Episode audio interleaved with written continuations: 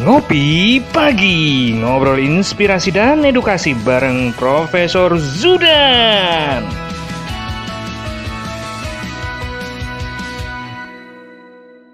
Cara ini didukung oleh Desa Wifi, Tol Langit Desa Indonesia. Salam bahagia kerabat Desa Indonesia, selamat pagi, selamat ngopi pagi bareng Prof. Zudan. Jadi ini harus sambil ngangkat kopinya. Oke, okay.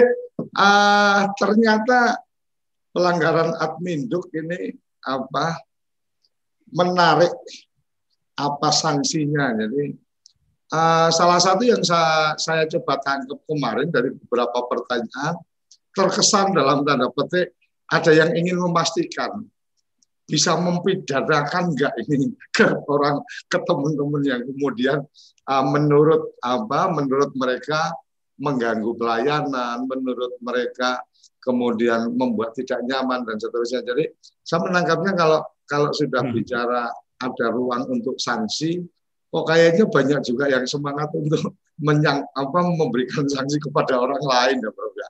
Oke, tapi yang jelas uh, pagi ini kita akan melanjutkan tentang pelanggaran adminduk apa sanksinya. Silakan Prof. Ya. Assalamualaikum warahmatullahi wabarakatuh. Selamat pagi, Mas Suryo Koco, seluruh kerabat desa yang berbahagia. Rekan-rekan, pemirsa TV Desa, dan sahabat Dukcapil di mana pun Anda berada. Semoga selalu sehat, terus jaga dan terapkan protokol kesehatan di mana pun semua kita berada. Karena hanya dengan disiplin diri, insya Allah COVID-19 kita bisa hadapi bersama dan akan banyak hikmah untuk Indonesia. Mas Suryo Koco, rekan-rekan semua, saya tidak menduga topik yang kemarin kita angkat sejak pemalsuan KTP elektronik, kemudian sanksi pidana yang kemarin itu respon dari masyarakat dan respon dari berbagai lembaga serta sahabat Dukcapil dan kerabat desa itu banyak sekali ya. yang meminta atau memberikan pertanyaan-pertanyaan yang membuat kita harus membuat seri dua untuk episode ini. Nah, kalau kita mencermati, yang kemarin kita sudah mendiskusikan tentang sanksi administrasi. Pagi hari ini kita khusus membuka apa sanksi pidananya. Ketika ada yang melakukan pelanggaran di bidang administrasi kependudukan. Nah, Mas Suryo Koco, saya ingin memberikan referensi sedikit kalau kita mempelajari dalam praktek administrasi kependudukan di Indonesia, setidak-tidaknya ada tiga hal yang terkait dengan tindak pidana yang bisa terjadi. Hmm. Oleh karena itu, kita semua harus waspada dan harus paham bahwa itu merupakan tindak pidana. Jangan hmm. sampai kita sendiri, siapa pun masyarakat, ya lembaga pengguna, badan hukum, petugas merasa itu bukan tindak pidana, padahal itu tindak pidana. Hmm. Apa? Yang bisa menjadi uh, penyebab tindak pidana di bidang administrasi kependudukan. Pertama, ketika kita melihat ada orang yang menggunakan bahan-bahan, alat-alat, material, atau yang di dalam praktek adminduk disebut blanko. Memalsukan blankonya, memalsukan formulirnya, memalsukan bahan untuk membuat belangko. Misalnya membuat bahan belangko KTPL. Belangkonya saja sudah palsu. Itu bermasalah. Kemudian membuat belangko palsu akte kelahiran. Itu pidana. Jadi baru membuat belangkonya saja, membuat bahannya saja, itu tindak pidana. Nanti kita buka secara lebih lengkap. Yang kedua, memalsukan datanya. Misalnya ada penduduk melaporkan, saya namanya Muhammad Imran. Hmm. Rumah saya di Jalan Mangga, padahal rumahnya di Jalan Jambu, Mas. Hmm. Ini tidak pidana, memberikan keterangan tidak benar, memalsukan dokumen. Misalnya begini, melaporkan mau menikah. Artinya memang nih, artinya maaf bro, artinya karena memang uh, masuk di ranah pidana itu ketika memberikan informasi dan memang informasi itu tidak benar dengan kesengajaan. Ya, nanti saya akan uraikan di belakang ada kesengajaan, hmm. ada niat tadi, ada niat. Hmm. Nah, kemudian yang ketiga, kalau tadi memalsukan dokumen, ini ada ada kasus memberikan keterangan tidak benar bahwa jenis kelaminnya dia laki-laki mengaku jenis kelaminnya perempuan atau jenis kelaminnya oh. perempuan mengaku laki-laki. Ini kan kalau petugas dukcapil kan nggak nggak mungkin memeriksa material, mas. Hmm. Kalau ada iya. orang ngaku ngisi formulir laki-laki, petugas dukcapil percaya. Nggak mungkin cek ya, Mbak Diana. Saya nggak percaya. Masuk ruangan, saya lihat lagi benar atau enggak. Di Dukcapil itu tidak ada cek fisik, Mas. Jadi memberikan keterangan yang tidak benar, mengisi dokumen secara tidak benar, bahkan memberikan dokumen pendukung yang tidak benar. Ini tindak pidana. Kemudian yang ketiga, tindak pidana itu bisa terjadi karena menyebarluaskan data kependudukan atau menyebarluaskan data pribadi. Jadi hati-hati betul ini para petugas, pejabat hmm. dukcapil, dan lembaga-lembaga pengguna. Jadi ada tiga kategori tadi. Menggunakan bahan tidak benar atau belangko secara tidak benar, memalsukan belangko, kemudian memberikan keterangan tidak benar, mengisi dokumennya secara tidak benar, atau menggunakan dokumen palsu untuk membuat identitas. Dan yang ketiga, karena menyebarluaskan data pribadi yang seharusnya dilindungi. Tentu saja semua tadi harus ada dengan maksud, dengan niat, atau dengan mens rea. Nah, siapa subjek hukum yang mungkin bisa masuk kategori dalam berbagai tindak pidana dalam tataran bidang administrasi kependudukan? Pertama penduduk atau pemohon. Jadi pemohon saja itu harus jujur. Jadilah pemohon administrasi kependudukan, pemohon dokumen yang jujur. Yang kedua, yang bisa kena tindak pidana adalah petugas atau pejabat dukcapil, mulai dari tingkat desa, kelurahan, kecamatan, kabupaten kota di instansi pelaksana sampai di tingkat provinsi dan tingkat pusat. Kemudian subjek hukum yang ketiga adalah lembaga pengguna data.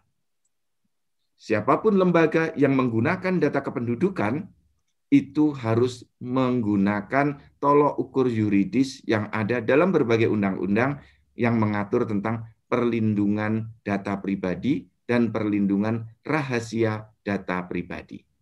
Nah, yang keempat adalah badan hukum badan hukum yang membuat belangko, badan hukum yang mencetak KTPL, badan hukum yang mencetak dokumen-dokumen itu. Semuanya harus bekerja comply dengan sistem peraturan perundang-undangan yang berlaku. Harus mematuhi peraturan perundang-undangan yang berlaku. Untuk memberikan ilustrasi, Mas Suryo Koco, kerabat desa, saya memilih kemarin melalui dengan teman-teman itu memilah kasus-kasus sebagai contoh Kira-kira seperti ini. Mungkin Mbak Diana bisa menayangkan beberapa kasus real dalam tindak pidana administrasi kependudukan yang sudah terjadi. Ya, bisa dibuka contoh beberapa tindak pidana. Misalnya tindak pidana. Ini yang sudah terjadi, Bro. Sudah terjadi. Oke. Memberikan keterangan tidak benar tentang kematian, Mas. Ini. Jadi orangnya masih hidup, dilaporkan meninggal. Dilaporkan meninggal dunia disertai dengan dokumen. Kalau meninggal dunia kan ke Dukcapil itu pasti ada dokumennya. Pengantar hmm. RT, pengantar RW kalau meninggalnya di rumah. Kalau meninggalnya di rumah sakit dengan surat keterangan kematian dari rumah sakit. Ini hmm. terjadi, Mas. Jadi orangnya dikabarkan sudah meninggal dunia padahal masih hidup. Nah, ini ini terjadi di Aceh. Jadi petugas dukcapil kalau tidak ada mens rea, petugas dukcapilnya lepas. Tetapi kalau petugas dukcapilnya kerjasama dengan pemohon, nah maka petugas dukcapilnya juga, juga bisa kena pasal ini. Nih.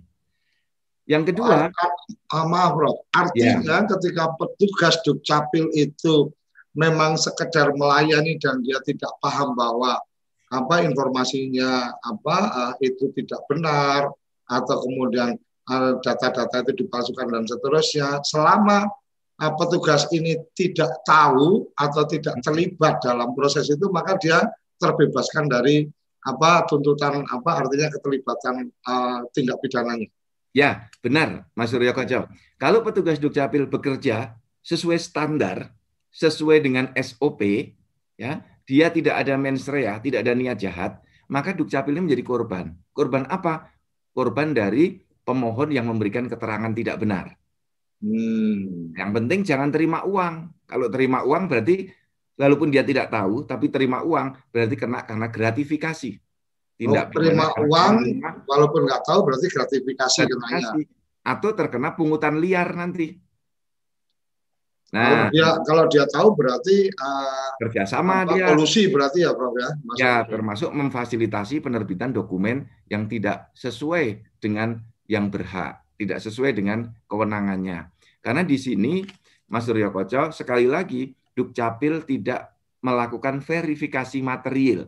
Misalnya membuat akta kematian, saya tidak percaya dengan data ini. Saya mau cek jenazahnya ada benar atau tidak. Itu Dukcapil tidak sampai ke level itu. Jadi Dukcapil tidak melakukan verifikasi material. Nah, verifikasi material itu dilakukan andai kata ada sengketa siapa yang berhak dengan akte kematian ini akte kematiannya sudah diterbitkan, diverifikasi siapa keluarganya.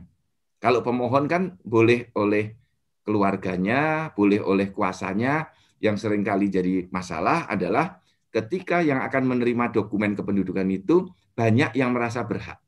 Mungkin ada hmm. istri pertama, istri kedua, mungkin antara anak-anaknya tidak rukun karena kaitannya untuk asuransi, untuk warisan. Nah, maka solusinya adalah Dukcapil boleh menerbitkan dokumen lagi. Jadi dua akte kematiannya diterbitkan dua kali. Untuk istri hmm. pertama dan untuk istri kedua. Kalau istrinya tiga, untuk istri ketiga. Boleh. Tetapi ada... Bisa sampai empat ya, Prof. Iya. Nah. Akte kematian, Mas. Ini manipulasi data kematian. Yang kedua, ada juga, ini fakta terjadi di sebuah bank. Ini. Hmm. Di Danamon. Kita ikuti dari Detik News. Kita ambil. Nah, berita ini terjadi dalam rangka mendapatkan asuransi debitur. Ini kasus hmm. seperti itu. Jadi pegawai bank supaya supaya nggak bayar utang gitu ya. Dilaporkan meninggal sehingga nah, sisa utangnya kan sudah dihapuskan karena asuransi kan gitu, Pak. Bisa jadi bisa jadi jaminannya lunas atau bisa jadi dia ada asuransi di situ. Ya, Asuransinya ya, biar bisa cair.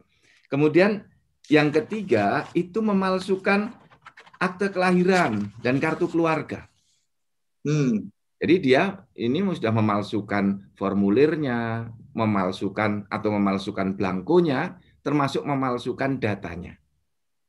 Jadi ini ada yang memalsukan seperti itu. Kemudian yang keempat, ini yang sangat fenomenal. Apa yang dipalsukan? Jenis kelaminnya. Dia perempuan, Kemudian dia melaporkan dirinya laki-laki. Hmm. Nah, kami dari Kementerian Dalam Negeri diminta sebagai saksi ahli untuk memberikan keterangan. Tapi saksi ahlinya juga tidak membuktikan material, Mas. Hmm. tidak sampai cek fisik, tapi Dokter itu nanti. ya membuktikan dari data. Karena di di dalam data center kita log dan traffic semua transaksi, perubahan data, perubahan alamat, ya perubahan jenis kelamin itu termonitor semua. Jadi misalnya dulu di dalam kakaknya jenis kelaminnya perempuan. Kemudian dia hmm. merubah kakak menjadi jenis kelaminnya laki-laki. Itu kelihatan kapan dia yang bersangkutan merubah datanya. Mengupdate terakhirnya kapan itu kelihatan. Tapi boleh kan sebenarnya ketika kemudian melakukan perubahan data itu ketika sekarang kan ada apa ada teman-teman yang kemudian ada operasi apa ganti jenis kelamin dan sebagainya. Artinya itu bisa sebenarnya ya. ketika memang secara secara fisik atau secara dokumen memang ada perubahan jenis kelamin itu atau gimana, Bro? Nah, untuk rekan-rekan semua, kerabat desa, Mas Suryo Koco dan pemirsa TV Desa, perubahan elemen data kependudukan atau perubahan data kependudukan itu dibolehkan. Ya. Contoh alamat boleh berubah, kemudian pekerjaan boleh berubah, jenis kelamin juga termasuk elemen data yang boleh berubah, Mas Surya Baca. Hmm, nah, ya. data kependudukan kita yang tidak boleh berubah adalah nomor induk kependudukan. Dengan penetapan pengadilan, jenis kelamin bisa berubah. Dalam praktek di Indonesia, terdapat beberapa orang yang merubah jenis kelamin secara resmi, didaftarkan hmm. di Dinas Dukcapil. Itu ada Mas Suryo Koco. Jadi kasus ini terjadi karena dia memalsukan dokumen, memalsukan hmm. identitas diri sebelum ada penetapan pengadilan. Dan secara fisik tidak terjadi perubahan jenis kelamin. Artinya anu apa kemajuan ya, Bro? Ya. Belum melakukan proses merubah apa secara fisik dan lain-lainnya dia sudah pengen merubah di datanya dulu. Iya. Jadi hmm. secara faktual yang bersangkutan masih tetap jenis kelaminnya perempuan, tapi hmm. melaporkan dirinya sebagai laki-laki. Agak karena di Indonesia itu syarat menikah harus mempelai laki-laki dan mempelai perempuan. Oh ini yang uh, yang perkawinan sejenis itu ya? Benar, Mas Surya Koco. Jadi perkawinan sejenis di Indonesia dilarang oleh Undang-Undang Perkawinan. Nah, kemudian yang terakhir, yang kelima kasusnya saya buka kan. Nah, itu betul. Ini memalsukan belangkonya. Jadi untuk melihat belangkonya di Indonesia, mulai 1 Juli kan sudah dicetak dengan kertas putih biasa. Ya. Kemudian sudah dengan tanda tangan digital. Hmm. Nah ini yang memalsukan dokumen nggak cerdas ini mas. Sudah dibuat setelah 1 Juli, tanda tangan masih tanda tangan dan cap. Hmm. Nah, itu ini anu itu bro, jalan-jalannya jalan-jalannya kurang jauh, pulangnya kurang, kurang malam, jadi pengalamannya iya. sedikit. Kurang main ini. ya, bagi aparat penegak hukum mudah menangkap hal-hal yang seperti ini. Jadi dengan standar baru, dengan sistem teknologi yang kita benahi, yang kita perbaiki, itu memudahkan Dukcapil beserta aparat kepolisian mengidentifikasi pemalsuan-pemalsuan dokumen kependudukan, termasuk pelanggaran-pelanggaran dalam praktek administrasi kependudukan. Itu Mas Suryo Koco, pengantar awal terkait dengan sanksi pidana yang mungkin terjadi dan dilakukan dalam praktek administrasi kependudukan Indonesia. Oke uh, kerabat desa dan sahabat dukcapil yang mungkin ada di Zoom meeting atau ada di channel YouTube uh, Dukcapil Kementerian Dalam Negeri dan channel YouTube uh, TV Desa. Kalau kemarin mungkin ada pertanyaan yang belum terjawab, uh, boleh di apa, diulang lagi, dikirimkan lagi untuk uh, coba kita kita bahas pada kesempatan kali ini. Salah satu yang saya ingat, Prof, kemarin itu adalah saya melihat ada saya nggak tahu ini kok kok ada so, saya merasakan ada semacam semangat ingin mempidanakan orang gitu kan. Jadi jadi salah satu pertanyaan yang saya tangkap adalah ketika kemudian petugas apa uh, petugas ini uh, menghambat atau kemudian mempersulit atau apa kemudian pertanyaannya adalah apakah petugas itu bisa dipidanakan. Jadi ini uh, bukan hanya bukan hanya di forum ini tapi di forum yang lain juga uh, saya sempat menangkap ada semangat ingin mempidanakan orang itu luar biasa itu uh, di di satu forum malam mingguan uh, kemen apa malam mingguan desa bersama teman-teman bina pemdes salah satunya adalah kalau kepala desa atau kalau BPD tidak melakukan bla bla bla bla apakah bisa dipidanakan? Jadi mama tidak mempublikasikan atau tidak mengikuti tahapan. Jadi pertanyaannya kok mengarah ke mempidanakan? Saya saya nggak tahu ini ada fenomena apa tetapi yang jelas bagian-bagian yang tadi profesor sudah sampaikan sebenarnya sudah cukup menjawab bahwa ketika memang petugas tidak terlibat dalam apa proses niat jahat maka tidak bisa dipidanakan kecuali kemudian ada pungli atau ada menerima suap, menerima gratifikasi baru itu masuk. Tapi kalau petugas hanya melaksanakan apa sesuai dengan prosedurnya mungkin jadi terlambat, pelayanannya mungkin harusnya selesai belum selesai dengan alasan A tertentu dan seterusnya, maka itu tidak masuk di ranah pidana. Kira-kira gitu ya, Prof? Ya, Mas Suryo Koco yang terus setia menemani kami, kerabat desa semuanya, rekan-rekan sahabat Dukcapil. Saya jadi teringat Mas Suryo Koco, kemarin ketika ya, ya. habis kita diskusi ini, itu banyak, ternyata ada beberapa rekan media yang mengikuti diskusi kita. Oh gitu. Dan menulis berita. Hmm. Hati-hati petugas Dukcapil yang memperlambat layanan dikenakan denda 10 juta. Itu muncul di berita. Nah, oh ya bro, Iya, nanti saya kirimin Mas Suryo Koco link beritanya. Nah, Oke, oke, oke. itu muncul, itu betul. Karena apa? Tampaknya Mas Suryo Koco, ini kita harus terus sosialisasi untuk menjelaskan kepada publik bahwa pelayanan publik kita terus diperbaiki. Pemerintah terus memperbaiki layanan publik, tetapi ada bagian-bagian yang belum bergerak untuk bersedia memperbaiki diri. Sehingga masyarakat Hmm. itu gemas, Iya, iya. masyarakat itu jengkel. Padahal dalam Undang-Undang Adminduk, Undang-Undang 23 2006 pasal 92 itu eksplisit kemarin sudah saya singgung juga. Pasal 92.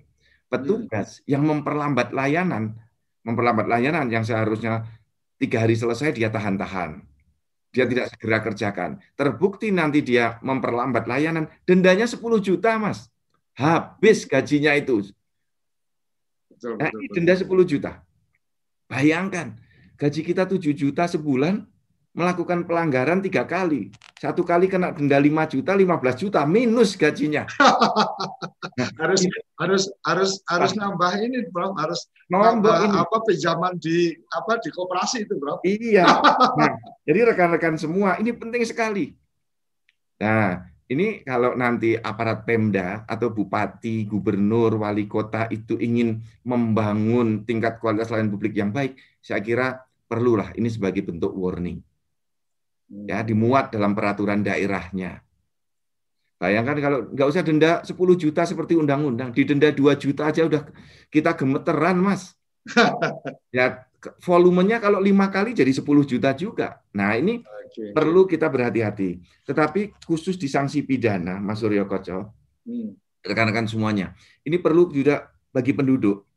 Itu hati-hati, jangan sembrono. Misalnya pasal 93, itu kalau penduduk itu memalsukan surat atau dokumen, termasuk memalsukan data, itu pidananya paling lama enam tahun loh, Mas Suryo Koco. Jadi seperti tadi, jenis kelaminnya perempuan, ngakunya laki-laki, itu enam tahun maksimal. Dan dendanya 50 juta rupiah. Memalsukan dokumen, mem- memalsukan surat. Ya, memalsukan surat. RT memalsukan surat, RT-nya nggak tahu, dibohongi RT-nya, yang kena masyarakatnya. Pak RT-nya tidak tahu. Nah, hati-hati di sini. Tidak semua yang ikut yang membuatkan kena, enggak. Enggak bisa seperti itu. Sistem kita Pak RT-nya sudah bekerja dengan iktikat baik, RW-nya ikut ngecap iktikat baik, petugas Dukcapilnya juga beriktikat baik. Yang tidak beriktikat baik penduduknya itu diatur di pasal 93. Nah, kemudian juga ada di pasal 94 yang memanipulasi data, menambah data, mengubah data, mengurangi isi data kependudukan. Siapa dia yang bisa kena? Penduduknya bisa kena, pemohonnya bisa kena, petugasnya juga bisa kena. Ini juga diatur di pasal 94. Jadi menambah data itu seperti apa? Misal menambah ya nah jumlah anggota keluarga di dalam kartu keluarga orangnya nggak ada dia Hmm. menambah menambah nama men- membuat nick mengajukan nama mengisi nama orang kerjasama dengan orang dalam ya seolah-olah membuat data baru. Membuat data penduduk baru. Ini pelanggaran. Atau elemen datanya dia tambah. Mohon maaf ada yang orang seneng gelar. Oh ya. tambah insinyur, tambah MA, MSc, MI, MSI, MSB, master segala bisa, MSI, master sembarang iso, tambah semua. Nah, itu Bapak dan Ibu pidana itu. Jadi enggak usah gitu. Hanya memang ada satu Mas yang gelar yang sering ditambahkan pulang haji itu ditambah jadi haji. Nah, ini memang jadi perdebatan yang itu sebenarnya bukan gelar, itu ibadah, ritual ibadah. Oh, Kalau Prof, kalau mungkin Prof, kalau tentang gelar tadi, eh, apakah wajib kemudian kan ada juga yang ada yang memang pengen punya banyak gelar sehingga Hmm. me- apa berusaha memal, dalam tanda petik memalsukan atau apa. Tapi ada juga yang pengen pengen eh, tidak ditampilkan gelarnya taruh kata ya walaupun apa sarjana karena menurut menurut uh, menurut saya sarjana itu bukan sesuatu yang luar biasa. Udahlah gelar sarjananya nggak usah, nggak apa, nggak ditampilkan dan seterusnya. Itu apa memungkinkan atau enggak? Karena ya. uh, sepertinya ketika kita menyelesaikan, oke okay, sudah selesai apa uh, di jenjang pendidikan tertentu dan kemudian kita mengisi data apa uh, bahwa pendidikan terakhir apa dan seterusnya, uh, apakah itu kemudian otomatis atau gimana, Bu? Ya, Mas Suryo Koco, di dalam sistem administrasi kependudukan kita, boleh gelar dicantumkan, boleh juga gelar tidak dicantumkan. Itu pilihan-pilihan. Oh, oke. Okay, Nah, kalau yang tidak mencantumkan itu dianggap tidak menipu, tidak. Hmm. Bukan juga membohongi, bukan juga memberikan keterangan palsu, tidak. Itu dibolehkan. Yang memberikan keterangan palsu, dia nggak punya, ngaku punya. Hmm nggak punya gelar ditulis gelarnya. Nah sebenarnya kan dalam tataran uh, ini norma ini itu mengatur sesuatu boleh ditampilkan yang penting benar maka implikasinya petugas dukcapil itu saat verifikasi jangan langsung percaya. Hmm. Ini kan sebenarnya kalau menambah gelar kan menjadi benar ketika menunjukkan ijazahnya S1, S2, S3 dan seterusnya. Seperti itu Mas Ketika, ketika ijazahnya dibikin di pasar Senen gitu kan, nah petugas dukcapil kan nggak tahu, tahu, oh iya ini kampusnya di luar apa di luar daerah dan seterusnya. Kemudian dilihat fisiknya juga mirip asli gitu kan. Saya ingat betul ada teman saya yang untuk membahagiakan orang tuanya karena tidak sempat apa uh, akhirnya kena DO kemudian pesan ijazah Pak ijazah kemudian ditunjukkan ke orang tuanya saya cuma bilang dosamu lebih besar daripada daripada kemudian memalsukan data di apa di dokumen negara karena membohongi orang tua kan lebih parah loh. nah, oke okay. itu Mas oh, ada dua kata ada ada ada sisa pertanyaan kemarin ini apa masih ya. apa saya masih lihat izin bertanya apakah sanksi bagi penduduk yang ketika penduduk menginformasikan data nama orang tua pada akte kelahiran itu tidak benar dengan alas uh, kemudian uh, saat ini uh, mencoba untuk meluruskan atau mengembalikan lagi apa uh, data nama orang tua ini uh, ada sanksinya atau kemudian karena sudah dalam tanda petik pengakuan dosa udah datang kemudian nah ini sebenarnya salah dan tentunya udah dimaafkan atau gimana bro? Benar. Kalau saya itu ya. melihat ya. pada perspektif ada mens rea-nya atau tidak, ada niat jahatnya atau tidak. Oh. Karena di dalam banyak hal akte kelahiran yang yang dibetulkan karena si anak yang dibuatkan akte atau subjek akta itu pada waktu dibuatkan tidak tahu siapa orang tuanya karena dia masih kecil dibuatkan akte setelah besar diberitahu sebenarnya ibumu bukan saya, bapakmu bukan saya. Saya ngambil dari Pak D. Bapakmu hmm. itu Pak D yang benar. Dia sekarang membetulkan dokumen. Nah, yang seperti ini Dukcapil silahkan untuk membetulkan dengan asas contrarius actus.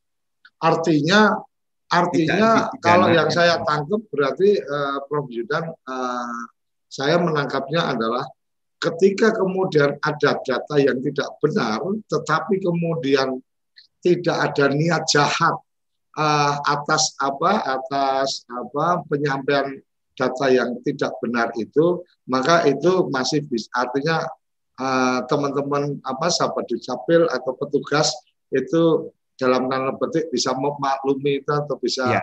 apa uh, memberikan toleransi uh, apa untuk tidak dipermasalahkan tapi lebih kemudian membuat apa pernyataan untuk kemudian perubahan data gitu Pak. Lakukan pembetulan. Benar Mas. Jadi prinsipnya yang salah dibetulkan.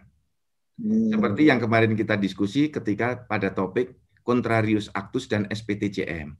Petugas Dukcapil sampai kepala dinas sampai ke bawah di operator kalau ada data yang salah tidak semua itu masuk kategori pemalsuan dokumen, memberikan hmm. keterangan yang tidak benar, tidak.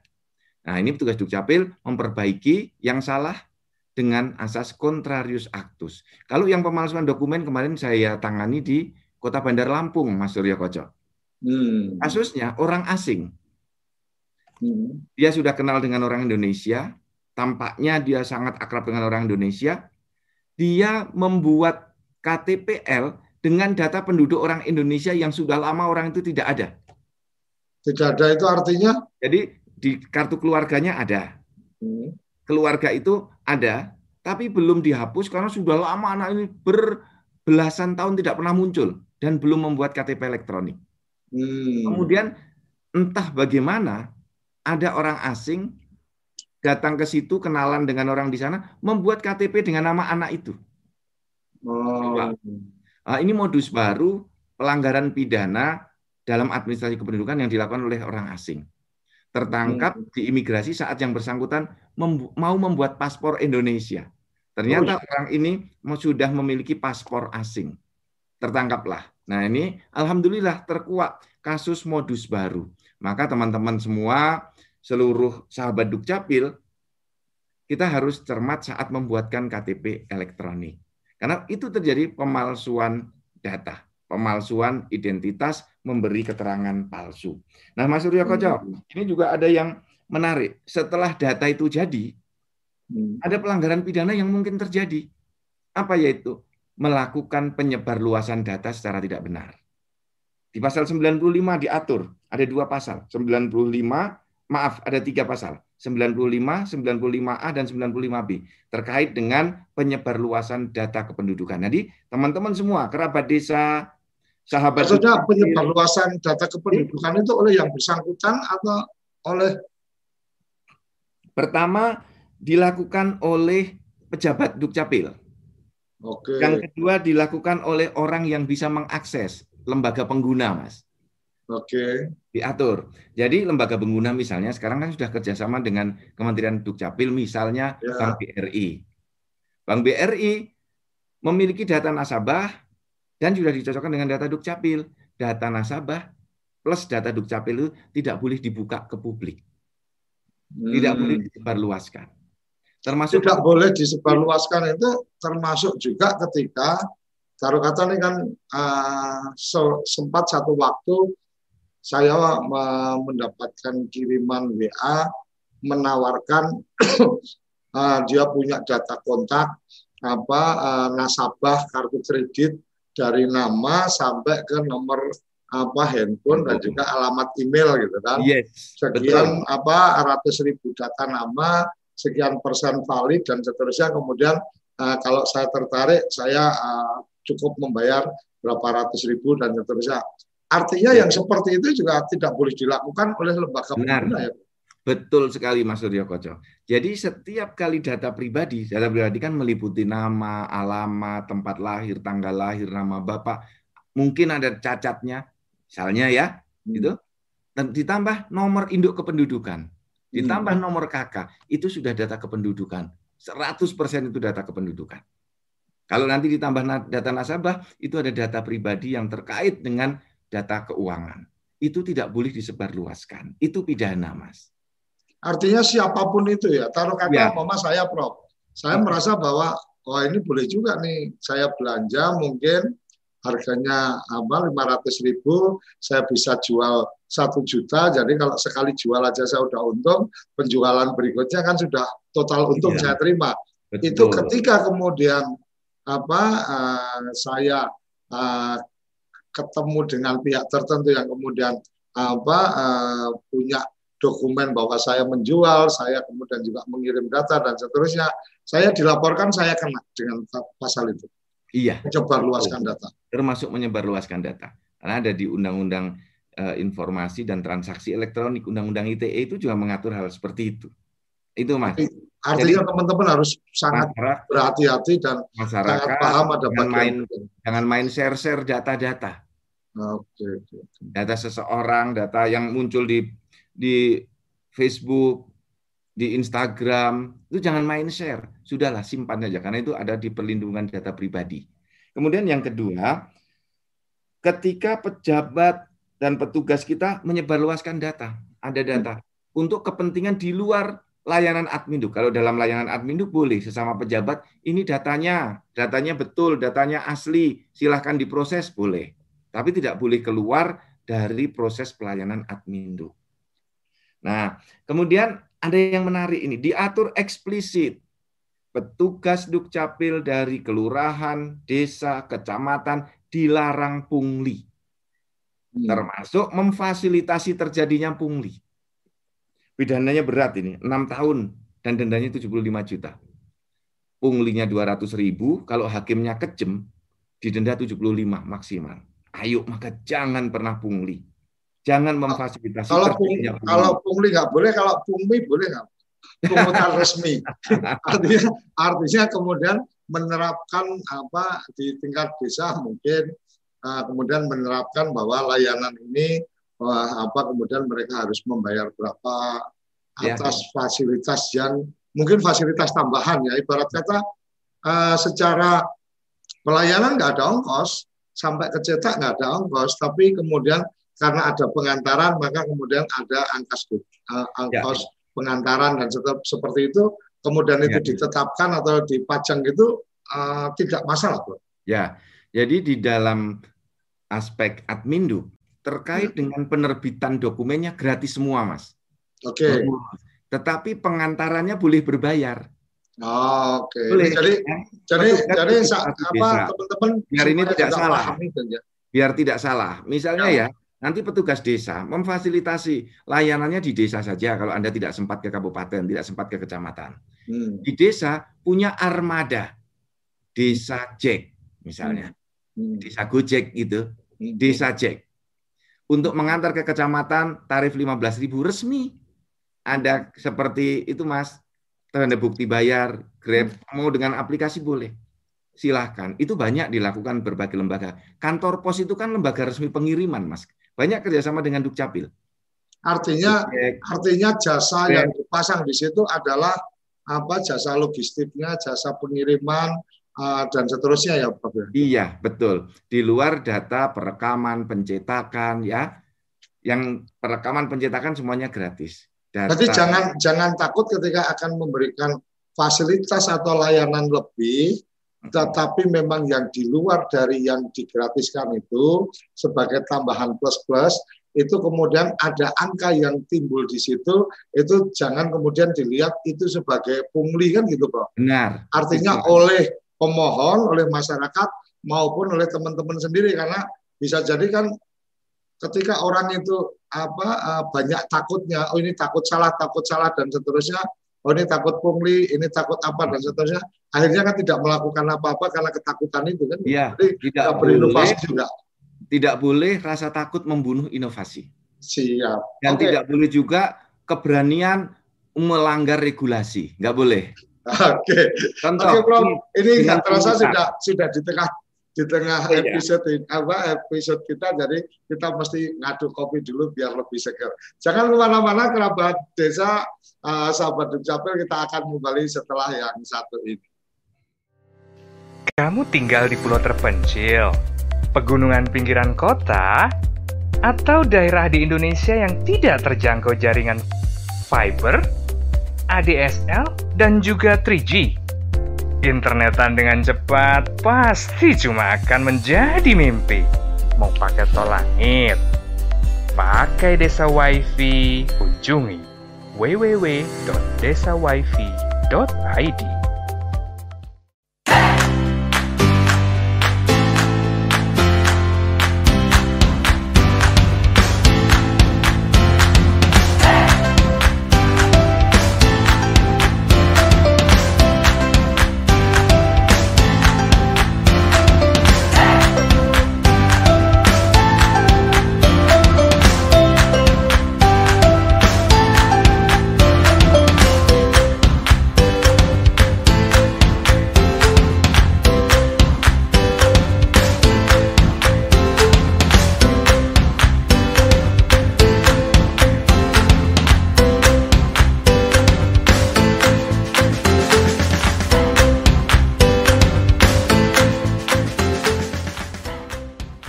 toko IG.id, toko Instagramnya orang Indonesia.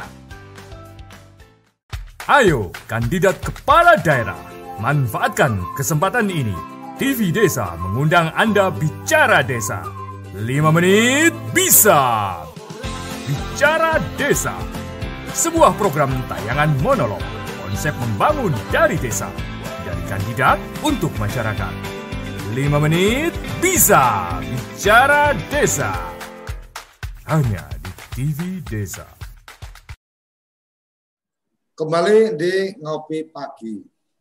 Jadi ini ada sudah ada yang masuk nih Prof di chatting. Izin bertanya dari Mas Agus Warsito.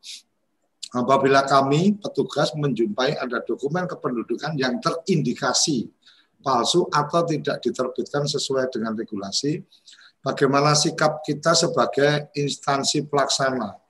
Langsung mengintegrasi, eh, menginterogasi secara persuasif atau langsung melaporkan kepada pihak yang berwajib. Uh, yang pertama, kemudian yang kedua, kemarin ada terjadi pemalsuan identitas dengan cara membuat data baru gara-gara yang bersangkutan di blacklist di bank. Kemudian tentunya saya dapatkan setelah verifikasi memiliki KTPL yang bersangkutan, saya panggil dan berikan penjelasan aturan kependudukan dan sanksi pidana, kemudian uh, dan sanksi pidananya kemudian dokumen dikembalikan. Artinya lebih pada memberikan edukasi ke yang bersangkutan untuk kemudian tidak melanjutkan lagi. Mungkin seperti itu. Silakan, Prof. Terima kasih rekan-rekan semuanya, Mas Suryo Koco, Pak Agus Warsito. Kalau kita menemukan kasus ini dalam praktek kita, dokumen atau pemohon yang kita ragukan keasliannya, dan penduduknya kita ragukan juga dia bukan orang yang benar. Maka langkah kita ya kalau kita namanya bukan investigasi, kalau kita namanya melakukan verifikasi. Orangnya kita panggil, datanya kita cek. Kalau perlu yang bersangkutan membuat SPTJM untuk menyatakan bahwa dokumen yang dia berikan ke kita dengan semua isinya itu dokumen yang benar. Kalau nanti dokumennya salah, maka tanggung jawabnya sepenuhnya ada pada yang bersangkutan. Sehingga implikasi dokumennya, kalau datanya dipalsukan, implikasinya dokumennya juga dokumennya akan dinyatakan batal demi hukum. Nah, sanksi pidana adalah untuk ultimum remedium. Apa itu, Bro? Ultimum remedium itu artinya adalah tindakan terakhir ketika tidak ada solusi yang lain. Misalnya ya, ketika orang ingin mengurus dokumen, kita tahu ini meragukan, verifikasi. Oh ternyata benar, lanjutkan. Kasus kedua, kita ragu. Verifikasi mendalam, orangnya kita panggil, ternyata betul dia memalsukan dokumen. Dia ngotot, Mas. Enggak, Pak, saya harus begini, Pak. Karena kalau saya nggak begini, nggak merubah nama, nggak merubah ijazah, di bank saya itu mati sudah, nggak bisa dapat kredit, nggak bisa dapat kartu kredit, nggak boleh pinjam di leasing, karena kan di selik OJK terdata semua. Ya. Saya mau memalsukan semua. Maka kalau ada orang begini, kita sebagai lembaga negara, sebagai aparatur penyelenggara negara, laporkan pada polisi. Nanti yang menindaklanjuti polisi. Kalau kita diam dan nanti terjadi betul kesalahan, sudah kita masukkan ke dalam dokumen kependudukan, kita salah. Karena pendudukannya udah ngaku, saya betul-betul mau memalsukan. Lah kok kita memproses? Kalau orang yang nggak mau, pilihannya adalah satu kita tidak memproses. Artinya kalau kemudian Berhenti. Uh, kita tidak nah, memproses dan kemudian lebih mengedukasi, ini ada dampaknya bla bla dan seterusnya, kami tidak Berhenti. bisa membantu. Itu artinya kita lebih pada apa mencoba untuk memberikan penyadaran bahwa kemudian mungkin dia akan memalsu dengan cara lain di tempat mana dan seterusnya yaitu risiko ketika Perusahaan, ada iya. apa iya. pelaksana yang kemudian uh, bis, apa bisa diajak apa uh, kolusi dan seterusnya itu risiko risiko Betul. yang lain tapi di kita pelaksana yang di meja kita benar-benar tetap melakukan standar pelayanan itu dengan yang tadi Prof sampaikan tadi ya. Iya. Jadi aspek pertama harus compliance, ketaatan dengan peraturan perundang-undangan. Maka kita edukasi masyarakat karena fungsi negara kan fungsi pembinaan, ya. bukan fungsi pembinasaan, mas. Hmm. Nah, pembinasaan itu sudah terakhir. Kalau anda saya beritahu nggak nurut, mau memalsukan dokumen, awas ya, polisi itu sudah nunggu anda. Hmm. Karena yang namanya pemalsuan sekarang dengan era digital dan di Dukcapil sudah dilakukan digitalisasi, itu tinggal nunggu waktu tertangkapnya, mas. Nah ini kalau kalau bahasa saya dulu, gue nek iso tak kandani tak kandani, nek iso tak kandani tak kandani kan. Gitu. Tak kandani. kalau nggak bisa tak kandani. tahu ya tak, tak bawa ke penjara kan gitu bro. Iya. Nah ini juga kasus-kasus yang ditanyakan Pak Agus Warsito itu kaitannya dengan pasal 97. Ada sanksi hmm. pidana lain yang ini banyak sekali dilakukan oleh masyarakat. Hmm. Jadi di dalam database kependudukan, kalau saya melakukan evaluasi tiap semester, kan evaluasi Dukcapil itu untuk database itu setahun dua kali, 30 hmm. Juni dan 30 Desember. Itu hmm. ketemu orang yang berdata ganda, Mas. Punya KTP zaman dulu itu tiga, empat, ada. Ya. Tinggal di KK, empat KK, mungkin karena empat rumahnya. Ada yang tiga KK. Karena kakak itu ditunjukkan dengan nomor kakak. Nah, ini pelanggaran pidana. Jadi kerabat desa semuanya, kalau kita memiliki alamat lebih dari satu, hmm. memiliki KTP dulu lebih dari satu, kemudian sekarang mencoba membuat KTP lebih dari satu, itu pidana. Hmm. Hukumannya kurungan dua tahun dan didenda 25 juta. Jadi jangan coba-coba ini. Ini aturan baru nih, Bro. Enggak, sudah berlaku sejak tahun 2006. Oh 2006. Berarti iya. waktu saya KTP double saya belum termasuk kena yang itu. Karena waktu mahasiswa ada KTP kampung sama KTP oh, iya. kampus kan apa ada tempat kuliah jadi. nah ini diperbaiki sistem kita. Hanya masyarakat kita itu sering nggak tahu mas. Hmm. Maka itu tadi dalam hukum itu teori fiksi, asas fiksinya itu mengatakan begini, semua orang dianggap tahu akan hukumnya. Sehingga kita nggak boleh mengatakan, saya nggak tahu Pak Polisi kalau ada pasal 97 yang melarang orang membuat kakak lebih dari satu, memberi, memasukkan nama orang ke dalam kakak saya, sehingga orang itu memiliki kakak dua, itu juga pidana. Kita nggak boleh, nggak bisa secara hukum mengatakan, mohon maaf Pak Polisi saya tidak tahu. Kalau polisinya baik, dilepaskan. Kalau polisinya saklek, dimasukkan ke penjara diproses di BAP. Karena dulu kan ada kasus memasukkan data ke kartu keluarga. Sehingga orang memang kalau secara kalau secara aturan uh, uh, Tuhan Tuhan lebih baik ya. Artinya artinya gini, ketika belum uh, ketika belum sampai di telingamu tentang ajaran, maka kamu terlep, terbebas dari dosa kan gitu bro. Iya. Tapi kalau kalau aturan aturan aturan pemerintah atau aturan hukum, kamu belum dengar aturannya pun karena kamu sudah apa melanggar dari aturan ini ya kamu tetap kena sanksi kan gitu bro. Iya. Jadi tidak tahuan itu tetap bisa kena pasal uh, awal apa artinya ketika dia benar-benar tidak tahu secara aturan tetapi dia melanggar ya tetap kena kena apa kena pasal kena sanksi atas aturan itu kan bro Iya. Berarti salah satu tugas kita mestinya adalah bagaimana memper, apa, mempercepat penyebarluasan informasi-informasi terbaru tentang aturan-aturan itu sehingga masyarakat tidak kemudian loh kok sudah ada aturan seperti ini dan seterusnya padahal itu sudah berjalan sekian tahun kan gitu. Benar, Mas Surya. Dan inilah yang dilakukan TV Desa. Sosialisasi terus-menerus, masif, bisa diputar berulang-ulang agar masyarakat tuh ngerti, ngeh ini udah 14 tahun yang lalu Mas pasal ini. Hmm. Tapi mungkin saja kita semua kerabat desa, sahabat Dukcapil belum pernah langsung membaca dan mendengar, oh ternyata membuat kakak lebih dari satu itu bisa dipidana dua tahun, bisa didenda 25 juta. Membuat KTP lebih dari satu ternyata bisa dipidana dua tahun, bisa didenda 25 juta. Termasuk memasukkan anggota keluarga atau membuat kita sebagai kepala keluarga di kakak satu sebagai kepala keluarga, di kakak yang kedua sebagai kepala keluarga. Nah ini pasal ini dimaksudkan untuk mewujudkan yang namanya single identity number. Hmm. Politik hukumnya ke sana. Satu penduduk, satu nik, satu kakak, satu alamat, satu KTPL.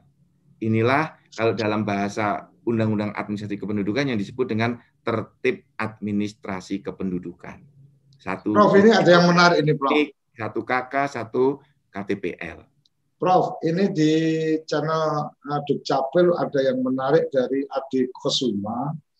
Jika uh, jika data saya dipakai orang tidak dikenal men, untuk mendaftarkan di uh, layanan apa seluler handphone, apakah bisa melaporkan kasus ini ke polisi daftar nomor handphone dengan nick orang yang sudah biasa dilakukan counter usul uh, konfirmasi melalui email. Artinya Artinya mungkin uh, ketika satu saat apa ya balik lagi seperti tadi ada ketidaktahuan karena percaya bahwa uh, semua orang itu baik maka pada saat aku nggak paham ini cara daftar terus KTP dikasih ternyata yang mendaftar itu kemudian me, apa, merekam data kita. Kemudian pada saat ada orang yang ingin mendaftar dan lupa bawa KTP itu juga dimasukkan dan seterusnya. Apakah itu masuk dalam uh, pidana termasuk dalam menyebarluaskan atau menyalahgunakan data? Ya, dalam pendaftaran kartu prabayar ya. sekarang dengan NIK dan nomor KK. Ya. Itu sudah diatur dalam peraturan Menteri Kominfo. Ya. Nah, bagaimana yang memalsukan dokumen, memalsukan data di KUHP sudah diatur, Mas. Dia menggunakan hmm. informasi milik orang lain, menggunakan identitas orang lain. Kalau dalam Undang-Undang Adminduk tidak terkait dengan pendaftaran kartu prabayar, tetapi informasi yang dipakai termasuk menyebarluaskan itu terkena pasal di situ. Artinya artinya ketika data ya. saya dipakai saya bisa melaporkan yang ya. bersangkutan ya. itu. Bisa oh, melaporkan siapa nanti kalau yang dibuktikan apakah betul yang menggunakan nomor handphonenya hmm. ataukah dulu dia hanya dibuatkan oleh itu Mas dealer yang menjual ya, counter-counter. Counter. Ya. Nanti bisa dilacak. Maka penting bagi rekan-rekan yang memiliki usaha konter nomor HP, mari kita berbuat jujur. Diedukasi masyarakat. Karena tujuan pendaftaran kartu prabayar berbasis NIK dan nomor KK adalah untuk mengurangi fraud, menekan hmm. kejahatan, menekan terorisme, menekan terjadinya money laundering, menekan terjadinya trafficking. Ini fungsi pencegahan, Mas. Karena hmm. dengan semua orang terdata dengan baik, ini menjadi warning pertama kalau kita mau bertindak tidak baik. Artinya ide ide yang kemarin. Artinya ide kemarin yang sahabat Dukcapil itu salah satu targetnya adalah counter-counter handphone itu jadi sahabat Dukcapil yang harus memberikan edukasi kepada masyarakat bahwa oke okay, kalau kamu mau ngisi saya hanya bantu apa bantu aja KTP-nya mana ibu ini benar bapak ini benar ya KTP-nya nah, cara ngisinya begini. Jadi Ah, bagaimana mereka-mereka juga sekaligus mengedukasi bahwa hati-hati mendaftarkan ini risikonya apa dan seterusnya. Mungkin itu nah, menarik juga itu bro betul. Setuju itu. Nanti Mbak Diana Pak Sesdijen ini hadir di sini kawan-kawan semua. Kita akan membuatkan stiker mas seperti saran Mas Suryo yeah. kemarin. Nanti dibagikan stiker itu dalam bentuk sebagai sosialisasi. Kita kerjasama dengan provider seluler. Hmm. semua konter wajib memasang stiker itu. Hmm, itu ya. sih saya sahabat Dukcapil. Jadi kemudian ada nomor handphone dengan nick dan nomor kakak yang benar. Dah, gitu Mas pesannya. Dan nah, uh, dorong adaptasi baru untuk kita berbuat jujur. Ini luar biasa. Menekan okay. banyak sekali kejahatan. Oke, Prof. Ini waktunya tinggal enam menit. Ada uh, beberapa lagi pertanyaan. Uh, oh, yang dari Wanas ini di empat lah ini termasuk apa yang setia mengikuti. Assalamualaikum Pak Prof. Bertanya material pada kasus Alterina Bovan tahun 2003 dia memalsukan identitas yang semula perempuan tiga tahun kemudian terdakwa meminta petugas kelurahan untuk kemudian KTP dengan jenis kelamin laki-laki. Tahun 2006 terdakwa minta ibu kandung mengajukan perubahan isi akte kelahiran. Sipil Jayapura, catatan Sipil Jayapura lantas menerbitkan akte kelahiran di mana jenis kelamin sudah berganti laki-laki. Pertanyaannya mengapa hakim lebih menggunakan KUHP dibanding undang-undang adminduk dalam menjatuhkan hukuman pidananya. Apabila asas hukum pidana mengatakan ada perubahan dalam perundang-undangan setelah perbuatan dilakukan, maka kepada tersangka dikenakan ketentuan yang menguntungkan. Ini uh, ini bahasa hukum ini. Uh, ya. apa artinya sudah ada aturan baru, kemudian mestinya uh, menurut uh, IRKAM ini harusnya menggunakan per, uh, dasar bahwa dalam pidana perubahan dalam perundang-undangan setelah uh, perbuatan dilakukan maka kepada tersangka dikenakan ketentuan yang menguntungkan ini menguntungkan negara atau menguntungkan ter apa uh, yang bersangkutan dan seterusnya monggo Prof Zidan ya. lebih paham Rekan-rekan kerabat desa Mas Suryo Koco, terima kasih. Mas Irham ini rajin ini mahasiswa diploma 4 Prodi Dukcapil di UNS. Ini rajin, terima kasih. Besok lagi diajak Mas, rekan-rekannya. Ini daripada belum kuliah, bisa ngobrol santai di sini. Informasinya banyak. Nah, terkait dengan sistem sanksi dan penggunaan norma. Inilah kalau dalam hukum yang disebut dengan das solen dan das sein. Das solen itu apa yang seharusnya. Seperti yang Mas Irham sampaikan tadi, asas bila ada perubahan aturan digunakan yang meringankan bagi terdakwa. Dengan catatan, hakimnya tahu bila sudah ada perubahan aturan. Bagaimana kalau hakimnya tidak tahu? Yang ada dalam pikirannya itu hanya KUHP. Dia nggak ngerti kalau ada undang-undang adminduk itu bisa terjadi. Jadi bisa jadi pilihan pertama, oh, bukan pilihan, kemungkinan pertama hakimnya belum tahu kalau ada norma ini. Pasal di dalam undang-undang adminduk yang berisi tentang siapa yang memfasilitasi perubahan data, merubah data, mengganti elemen data, itu pidananya enam tahun dan denda 75 juta. Hakim belum tahu dan pem, apa, uh, pengacara atau ya. pembelanya juga tidak memberitahukan itu itu parah itu. Ya. Atau hakimnya tahu, ya. tetapi hakim boleh memilih di sini. Oh ya, ada hak pilihan-pilihan hukum. Ya udahlah, saya mau pakai ini saja. Saya lebih keyakinan hakimnya mengatakan saya lebih mantap menggunakan pasal ini. Hmm. Boleh. Itu. Nah, karena dalam praktek hakim ini memiliki kemandirian, kebebasan hakim untuk bahkan membentuk hukum baru pun boleh. Hmm. Nih, nih tentu saja dengan banyak kriteria. Kalau yang tadi pertama, hakim banyak yang belum tahu perkembangannya, ini mohon maaf sekali dengan rekan-rekan hakim. Karena dalam praktek, Undang-Undang Adminduk, Undang-Undang 24 tahun 2013 sudah menerapkan asas domisili. Tapi banyak dalam putusan-putusan hakim tentang perkawinan, pembatalan perkawinan, perceraian, pembatalan perceraian masih menunjuk kepada asas peristiwa. Oh, asas domisili itu berdasarkan dia tinggal di mana, asas peristiwa ya, itu kejadiannya di mana. Kejadiannya. Dulu dia dicatatkan di pengadilan uh, di kantor Dukcapil Bekasi dulu waktu nikah. Hmm. Kemudian dia sudah bercerai dan tinggalnya sekarang di misalnya Tangerang Selatan. Mestinya kan yang mencatat Dukcapil Tangerang Selatan. Tapi hakim di Tangerang Selatan melihat pada akte kawinnya di Bekasi, maka putusan cerai untuk dicatatkan di Dinas Dukcapil Bekasi. Nah, maka Dukcapil melaksanakan putusan pengadilan.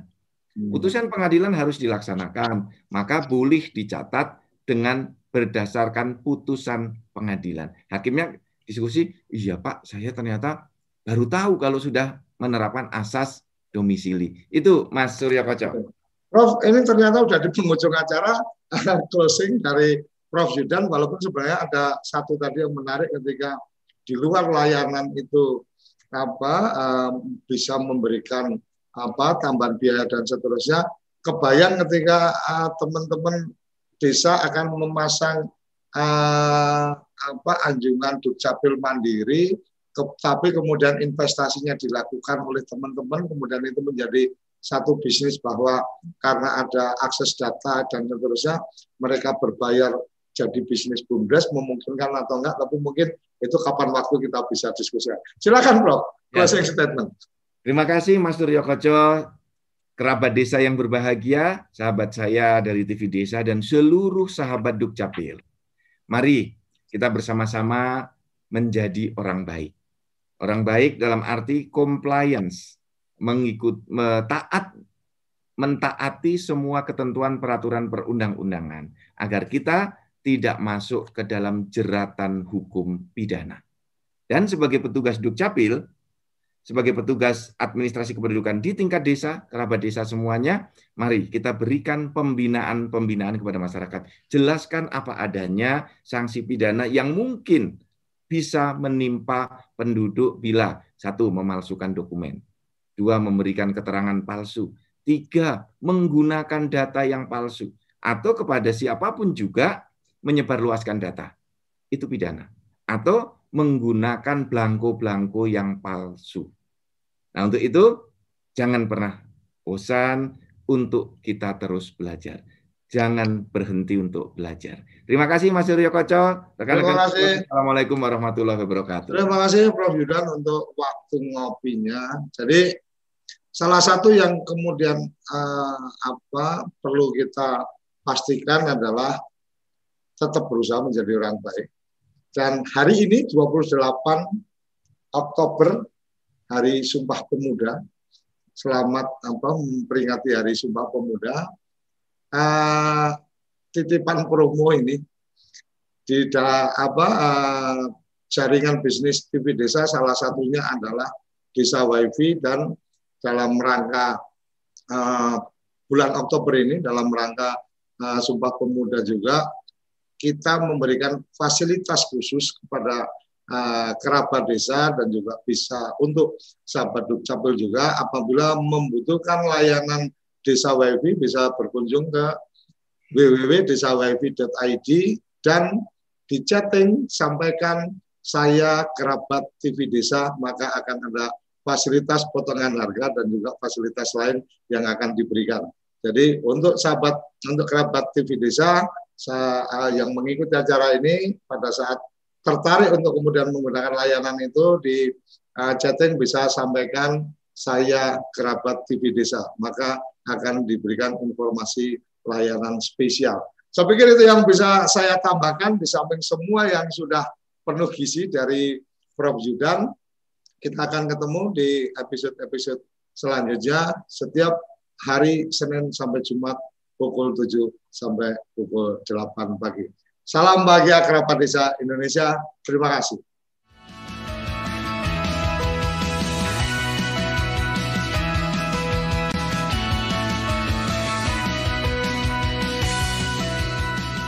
Ngopi Pagi, ngobrol inspirasi dan edukasi bareng Profesor Zudan.